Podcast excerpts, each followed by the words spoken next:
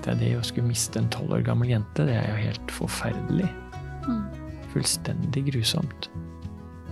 Men eh, desto større glede når eh, han sier eh, Talita Kumi. Hei og velkommen til bibelstudier om døden og framtidshåpet. Med meg i studio har jeg Marika og Tor. Jeg heter Vanja, og dagens episode er nummer fem, og den heter Oppstandelser før korset.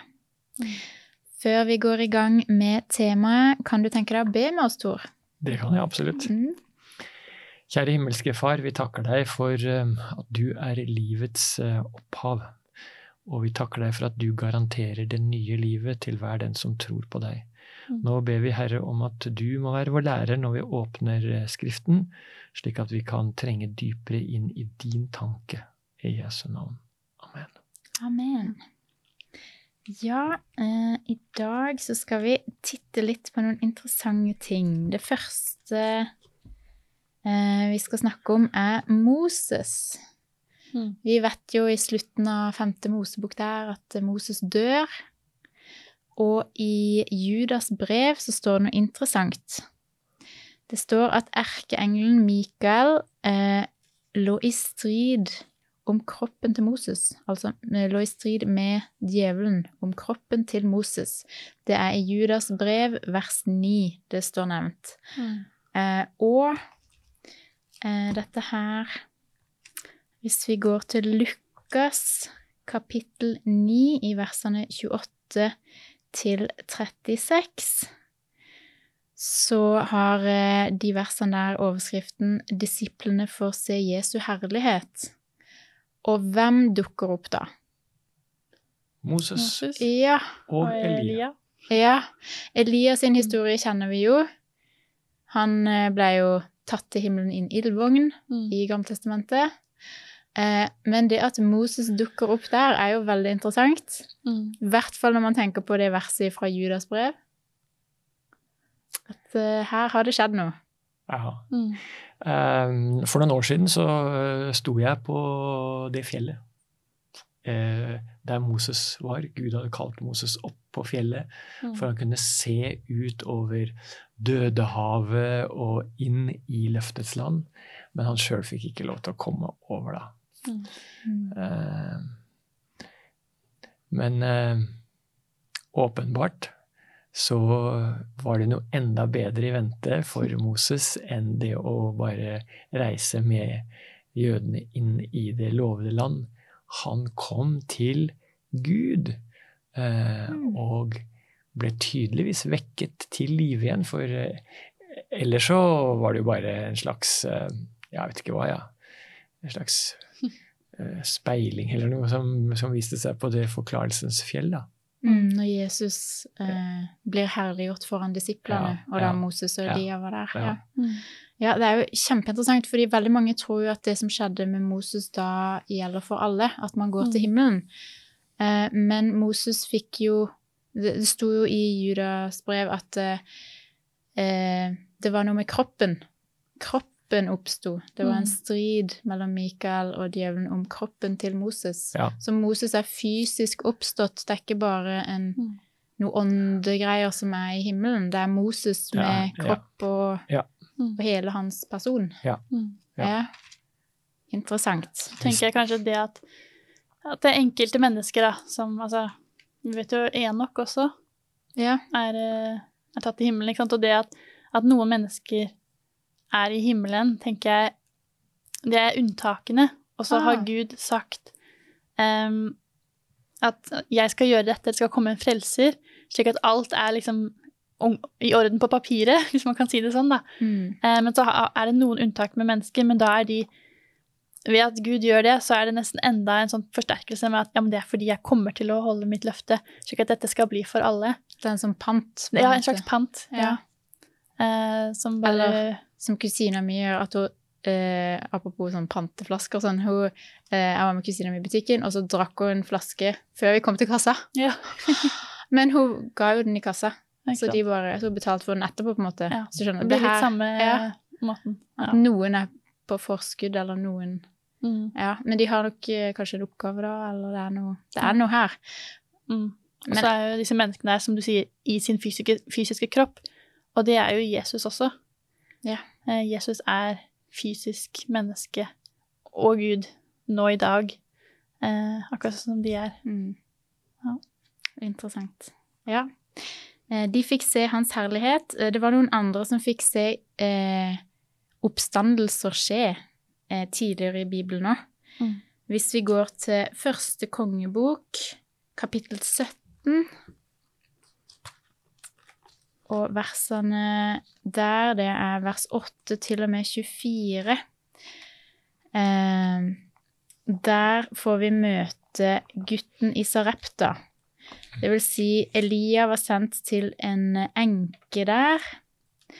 Eh, og hun hadde da en sønn, og denne sønnen dør. Ja, det er jo verre, det er jo verre enn som så, da, fordi at eh, denne enken, hun har altså brukt sine aller siste ressurser for å Mm. lage et måltid til profeten. Mm. Um, men han har jo lovet om at det, det, det skal gå bra. Og så, så skjer det et mirakel, og det mangler ikke olje, det mangler ikke mel, Selv om det er hungersnød. selv om det er hungersnød, Mm. ja. Og så dør denne gutten. Mm. Det er jo forferdelig. Mm. Men det finnes håp. Det gjør det. Og det er jo det vi ser på. Altså, vi ser på oppstandelser før korset. Mm. Um, så det er uh, veldig spennende. Hvilket vers er det vi er i? I vers um, Syv? Uh, hmm? Nei. Nei, altså Er vi, i kapittel 17, som- eller? Vi er i kapittel, kapittel 17, og så Ja. Eh, Og vers 17. Det står i vers 17, ja, etter at dette hendte, ble sønnen til kvinnen som eide huset syk, og sykdommen tok så hardt på at det til sist ikke var livspust Mm. i han. Ja. Og de er fortvila, men, eh, men Elia ber og sier eh, Herre min Gud, la livet vende tilbake til barnet.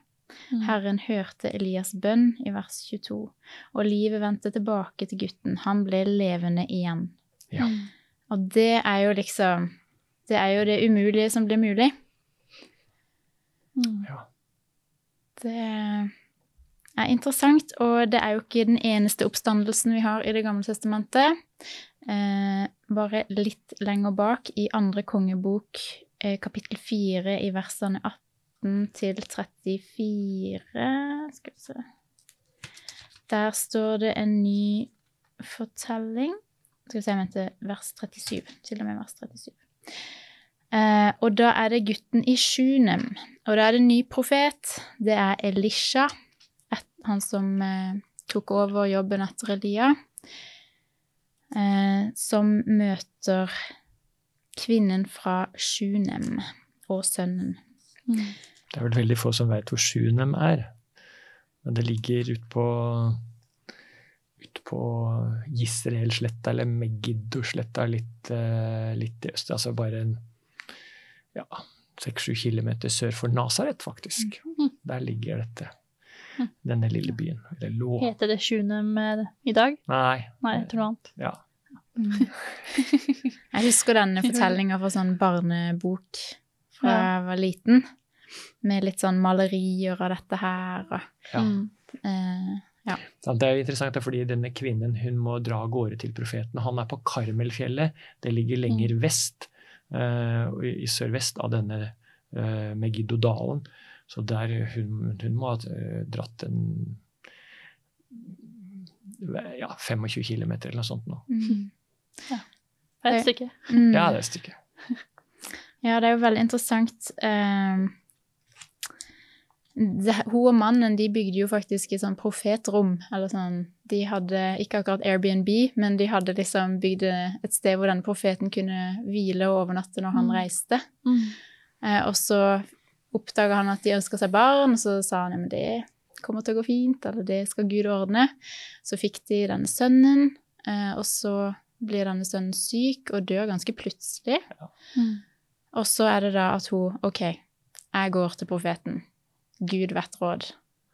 Ja. Og profeten blir med. Og eh, ja. Profeten har jo en eh, holdt på å si kompis, eller en lærer, en, eh, som er under utdanning. mm, Men han får, Ja. ikke til noe, han får ikke til noe Nei. Nei. Gehazi. Interessant karakter. Ja. Anbefaler folk å lese videre om han. Ja. Veldig interessant. Ja. Eh, så Elisha må komme sjøl. Eh, eh, her i vers 32 i kapittel 4 står det Da Elisha kom fram til huset, lå gutten død i sengen. Og så Ja, så står det hvordan han vekker han opp. Og at gutten nyser sju ganger og slår opp øynene. Og så sier Elisha til Gehazi at han skal rope på mora. Mm. Eh, hun kom og falt ned for føttene hans, bøyde seg med ansiktet mot jorden, så tok hun gutten og gikk ut. Så han fikk òg livet igjen. Han ble vekka fra de døde. Mm. Eh, en annen person som blir vekka opp eh, Neste sted vi kan gå og lese, det er Lukas kapittel 7, versene 13 til 15. Det er om gutten i Nei- Nain. Hvordan sier man det? Nain. Nei, ja. ja. det er litt artig å eh, tenke på det mens vi finner fram til uh, Lukas 7. Så er det sånn at uh, dette stedet, Sjunem, Mm. det lå på sørsida av en liten koll eller et lite fjell på en uh, drøyt 500 meter. Nain ligger på nordsida av det samme fjellet, som, som ligger ute på en sånn, sånn høyde som ligger i denne Megiddo-dalen. Så det er to sånne oppstandelses eh, eh, eller hendelser, riktignok med mange hundre års eh, forskjell, som er knytta akkurat til det der området. Ja, for, og nå har vi jo gjort et kjempesprang. Vi har beveget oss fra Det gamle testamentet over til Det nye testamentet. Mm. Eh, den profeten som vi skal se som vekker nå, det er Jesus sjøl. Mm. Eh, og ja, vi kan jo se her eh, eh, Det virker som om dette er litt sånn tilfeldig. Eh, at de kommer forbi et gravfølge i den byen. Vi kan koste på oss å lese, kan vi ikke lese Jo. hele fortellingen? La oss gjøre det. Jeg leser fra 7, eh, altså Lukas kapittel 7, og fra Mm. vers 11. Kort tid etter ga Jesus seg på vei til en by som heter Nain. Disiplene og en stor folkemengde dro sammen med ham. Og da han nærmet seg byporten, ble en død båret ut til graven. Han var sin mors eneste sønn, og hun var enke. Sammen med henne kom et stort følge fra byen.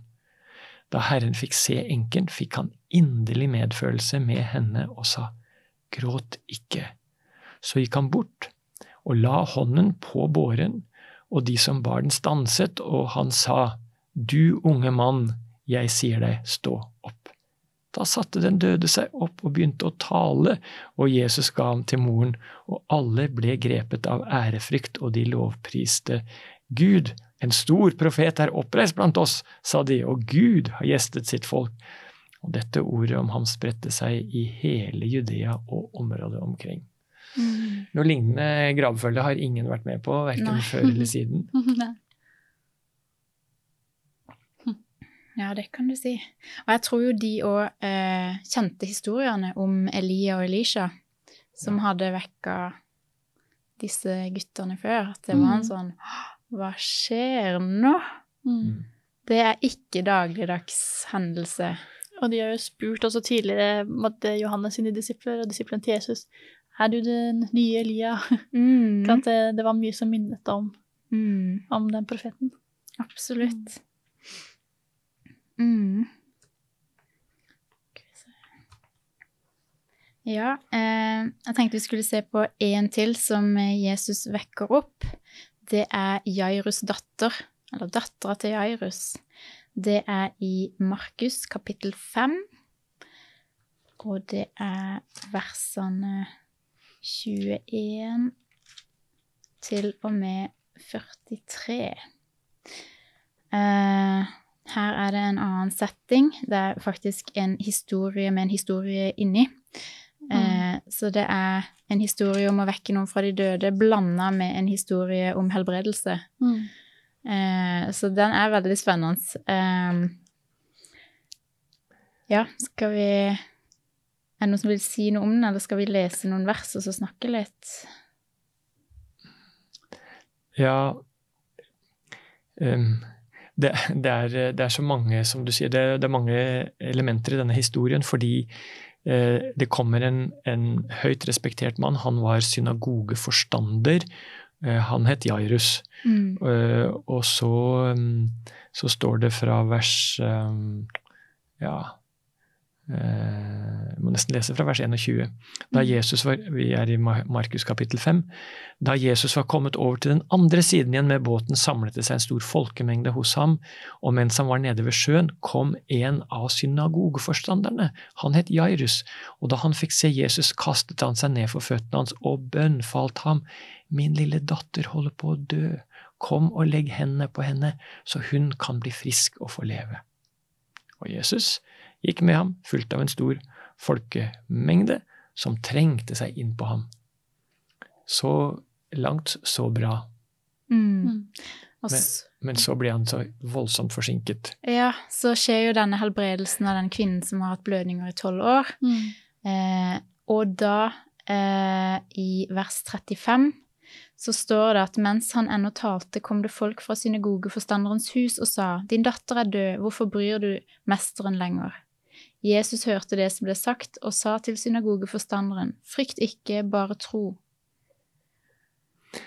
Jeg ser for meg følgende, altså, ikke sant Det står her Jesus hørte det. Det tyder på at de som kom, de kom litt sånn diskré. Du, datteren er død. Det er ikke noe vits i lenger. Det, det, er forbi. og det hører Jesus, og da sier han bare tro. Mm. Og Jesus var jo ikke vel ansett blant synagogeforstandere, så han her har tatt et svært skritt ut, for det er hans mm. absolutt siste mulighet. Mm. Og Jesus har jo helbreda ja. Ikke sant? Og han hadde håpet. Og det vet jeg faktisk ikke. Men eh, ja.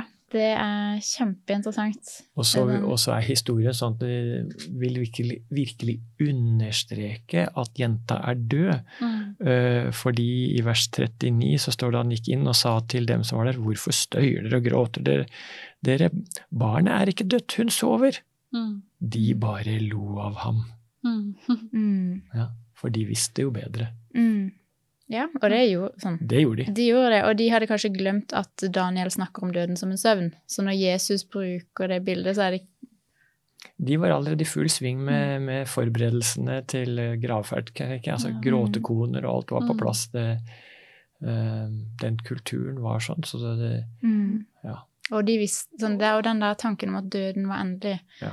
At uh, vi i dag har jo apparater og ting sånn at man på en måte kan hente litt tilbake. Man kan få, Selv om ting stopper opp, så kan det settes i gang igjen med strøm og litt sånt. De hadde jo ikke hjertestart. Og, eh, Nei. Sånn. Så det, det var tydeligere skille. Sånn ja. når det var over, var det over. Mm. I, I, andre av disse evangeliene så står det vel at denne jenta var tolv år gammel. Altså like gammel som hun dama som hadde like ja. gammel som hun hadde hatt blødninger, hadde hatt. Ja. Mm, det kommer seinere i vers 42, så står det. Hun var tolv år, ja. ja. ja. Mm. Uh, så Tenk deg det å skulle miste en tolv år gammel jente. Det er jo helt forferdelig. Mm. Fullstendig grusomt. Men uh, desto større glede når han sier 'talita kumi'. Mm. Jenta mi, jeg sier deg, stå opp. Mm. Og så står det at eh, straks eh, reiste jenta seg og gikk omkring, hun var tolv år gammel, og de ble helt ute av seg av undring. Det mm. skjønner jeg godt. Det er liksom Til og med når jeg sitter her og leser det, så er det med litt sånn eventyr-vibes. Mm. Ikke sant? At liksom Jeg må tenke meg om to ganger for å liksom spørre meg sjøl tror jeg på det. Tror jeg på det? Ja. ja. Det er ikke noe jeg har opplevd, og det er utenfor den dagligdags gangen. Mm. Men jeg tror det kan skje. Jeg tror Jesus kan vekke opp. Mm.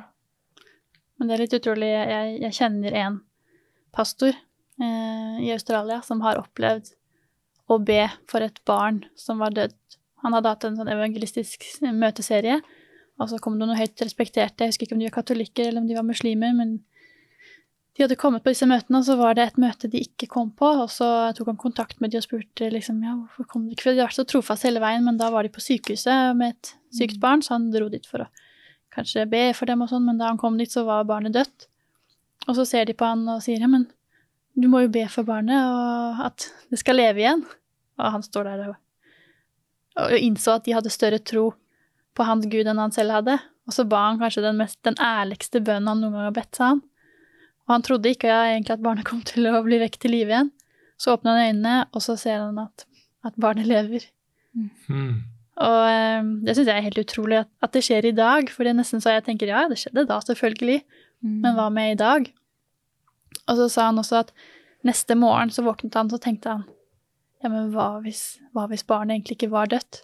Og så tok han seg selv i det og bare hvorfor skal jeg Hvorfor, hvorfor, prøver vi alltid å forklare det på en naturlig måte? Hvorfor skal vi alltid få Gud ut av bildet? Så han bare nei, Gud, jeg vet at det var du som vekket barnet til live. Mm. Og så har han valgt å, å ikke liksom sette spørsmålstegn ved det, eller rasjonalisere det bort, Mm. som det er så lett å gjøre. Og det har virkelig hjulpet meg andre ganger når jeg har bedt til Gud om noe, og så har han virkelig svart. Eh, og så har jeg sagt ok, Gud, hvis du svarer på meg, eller, eller svarer meg, så skal jeg ikke rasjonalisere det bort. Jeg skal virkelig tro at det er du som svarer. At ikke bare å ja, det var flaks, eller det var Mm. ja, det var sånn det ble, eller Så eh, Ja, men det, det skjer fortsatt Det- en dag i dag. Det er ja. ikke hverdagskost, men Nei, Men det det, skjer. er- det, det er fort gjort, altså. Å Mm. bortforklare det uforklarlige. Mm. Fordi det er Gud. mm. Det er litt vanskelig for oss å fatte. Men, eh, Mm. Det er en Mm. bønn å be, det, Marika. Gitt, altså. La, hjelp meg, Gud, til ikke å bortforklare mm, Mm. når du griper inn i livet Mm. og døden. ja. Mm. Gud er den samme i går og i dag og i morgen. Mm. Samtidig så vil vi sette opp mange folk til skuffelse hvis du tror at, eh, at Gud Mm. vil vekke opp dine kjære nærmest automatisk fordi du ber. Eh, Disse, disse hendelsene her vi ser på fem-seks stykker eh, nå uh, gjennom hele bibelhistorien. Mm. Det er unntak. En, Mm. en periode på mange hundre år. Mm.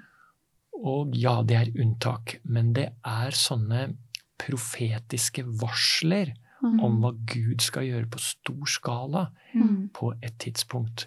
Mm. Og det må vi jo vi må, vi må ha tillit nok til at vi kan senke skuldrene også når døden rammer våre nærmeste, og si det Mm. kommer en dag. Mm. Ja, for det her var glimt av den oppstandelsen som alle kan vente. Ikke sant? Å ha den Mm. derre troen som vennene til Daniel hadde i Daniel 3, ikke sant, hvor det Ja. vi, vi stoler på at, eh, at Gud kan frelse oss fra denne ildovnen eller fra flammene, men selv om han ikke gjør det, så vil vi likevel Store. være trofaste og Mm. stole på han. Ja. Så uansett hva, Mm. så ønsker, ja, så ønsker jeg å stole på Gud. Eh, Den siste Mm. som eh, denne episoden tar opp som eksempel, det er at Jesus vekker opp Lasarus. Mm. Og jeg syns det er så spennende det eh, Martha sier.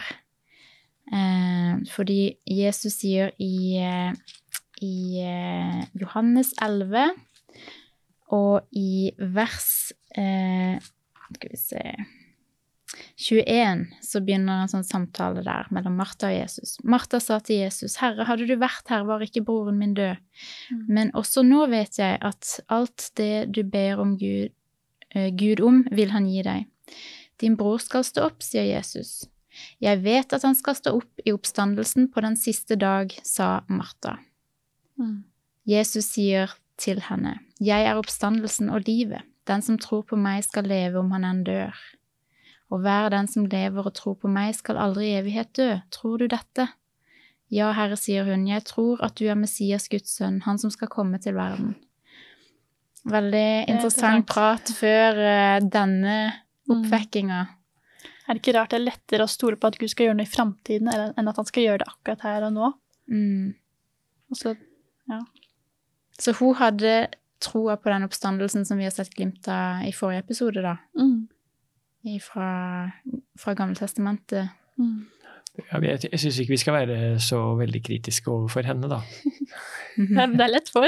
Ja, nei, ikke sant, fordi at eh, hvis, hvis vi går rundt med den troen om at alle som dør nå, blir vekt opp fordi Jesus kan det, så, så, så utvikler vi jo nevroser. Altså, da, vil vi jo, da vil vi jo Det er jo feil forhåpning. Det det er det. Da, da, vil, vi, da vil vi rigge oss sjøl for skuffelse, skuffelse, skuffelse, og til slutt så vil vi gå inn i en depresjon. Hva er det i veien med min tro?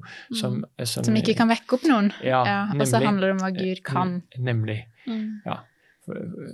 Det er veldig lett å, å lese historier fra Bibelen og så bare Å, hun burde visst bedre. Ja, hun burde visst bedre. Ja. Nei, men det, Det er mye lettere for oss når vi leser historien og vet hva som skjer etterpå. det her er jo eh, forberedelser for eh, å tro på Jesu oppstandelse, Ja. tenker jeg. Ja. At liksom her er det et større bilde, den større historien, den store fortellinga.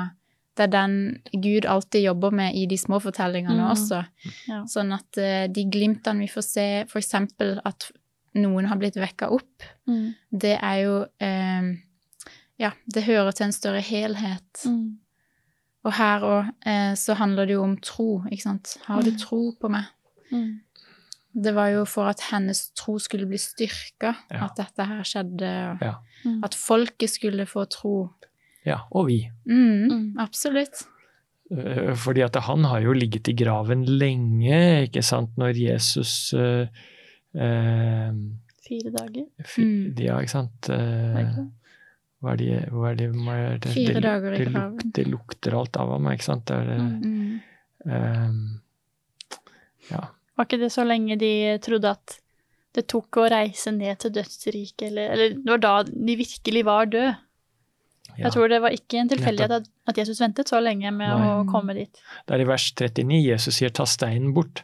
Herre, sier Martha, den døde søster, det lukter alt av ham. Han har jo ligget fire dager i graven. Mm. Ja. Og der òg eh, Jesus vekker han ved å bruke ord. ja. Mm. Akkurat som i skapelsen. Mm. Ja, akkurat mennesket former han jo i Det- Ja, ja, men det er hele Ja. Det står i vers 43 at. Det står i vers 43 at Jesus sa 'Lasarus, kom ut'. Mm. Uh, og en, en kar jeg kjenner, han sa det var fint at Jesus sa 'Lasarus, kom ut', ellers hadde jo alle, alle andre også kommet. Mm. Jesus, livgiveren, byr, kom ut, ikke sant. Så Ja. det hadde blitt litt uh, voldsomt. Men, men, men det, dette mirakelet her, det skapte tro. Hvis du leser lenger utover i kapitlet, så legger fariseerne planer om å drepe Jesus. Mm. Fordi dette, dette er alvorlig, syns de, da. Og, og så strømmer folk til, eh, til den byen. Den ligger jo rett i utkanten av Jerusalem, oppå høyden eh, bak, altså omtrent i, liksom bakafor Oljeberget. Der ligger eh, Dagen i dag så heter byen Lazaria. Mm. Ja. Eh, og, så, og, og, og det står at eh, de øverste prestene i kapittel eh, 12 og vers 10 da la overprestene planer om å drepe Lasarus også, Mm. for mange av jødene dro dit på grunn av ham og kom til tro på Jesus. De vil fjerne beviset. Mm. Mm. Ja, det er spennende å se at eh, det har vært oppstandelser før korset, og at det var veldig forskjellige mennesker som ble vekka. Mm. Det var, liksom, det var barn, det var gutter, det var jenter, det var en voksen. Mm. De var fra forskjellige samfunnslag, de var til og med fra Mm. forskjellige folk. Og det var noen som trodde, noen som ikke trodde, eller sånn på Gud. Ja, og det var noen som aktivt liksom henta profeter, og det var andre hvor Jesus sånn tilfeldigvis kom forbi, ikke sant? At det, Han bryr seg om alle, han. mm. Det, Og også det at vi har fått sett Jesus sin sympati med de som sørger over døde. mm. Det, han, han har medfølelse og syns synd Mm. på de som har mista. Det er vondt å miste. Mm. Gud vet det er vondt Ja. å miste. Ja. Det gjør han. Mm. Eh, Så, så eh, også i den fortellingen her som vi nå nettopp har sett på, Lasarus-fortellingen, så bruker jo Jesus igjen dette begrepet døden som en søvn, hvor han sier Mm. i kapittel 11 og vers 11 eh, Da han hadde sagt dette, sa han til dem, Vår venn Lasarus er sovnet inn, men jeg går og vekker ham. Mm. Eh, disiplene de var mest opptatt av å holde seg unna der nede i nærheten av Jerusalem, fordi der hadde han blitt utsatt for det. Så de, de syntes ikke noe om den tanken, at han skulle dra ned der. Mm. Fordi eh, eh, Nei, Det var trøbbel. det har vært trøbbel. Mm. Så da Mm. Hvis han har sovnet, så blir han nok frisk. Mm. Mm. Ja. Men Jesus visste mer enn det de visste, og skjønte Ja. mer enn det de Ja. skjønte. Mm. Ja, jeg håper dette her kan være trosstyrkende for at eh, Jesus vil eh, vekke de man savner eh, på oppstandelsens dag, Mm. når han kommer igjen. Mm. At det her vil være med å styrke dette framtidshåpet og se at liksom døden har ikke siste ordet. Mm. Vi tilber en Gud som er mektigere enn døden. Takk for gode innspill og spennende samtale. Takk til deg som har sett på, du som har lytta, og velkommen igjen til neste studie.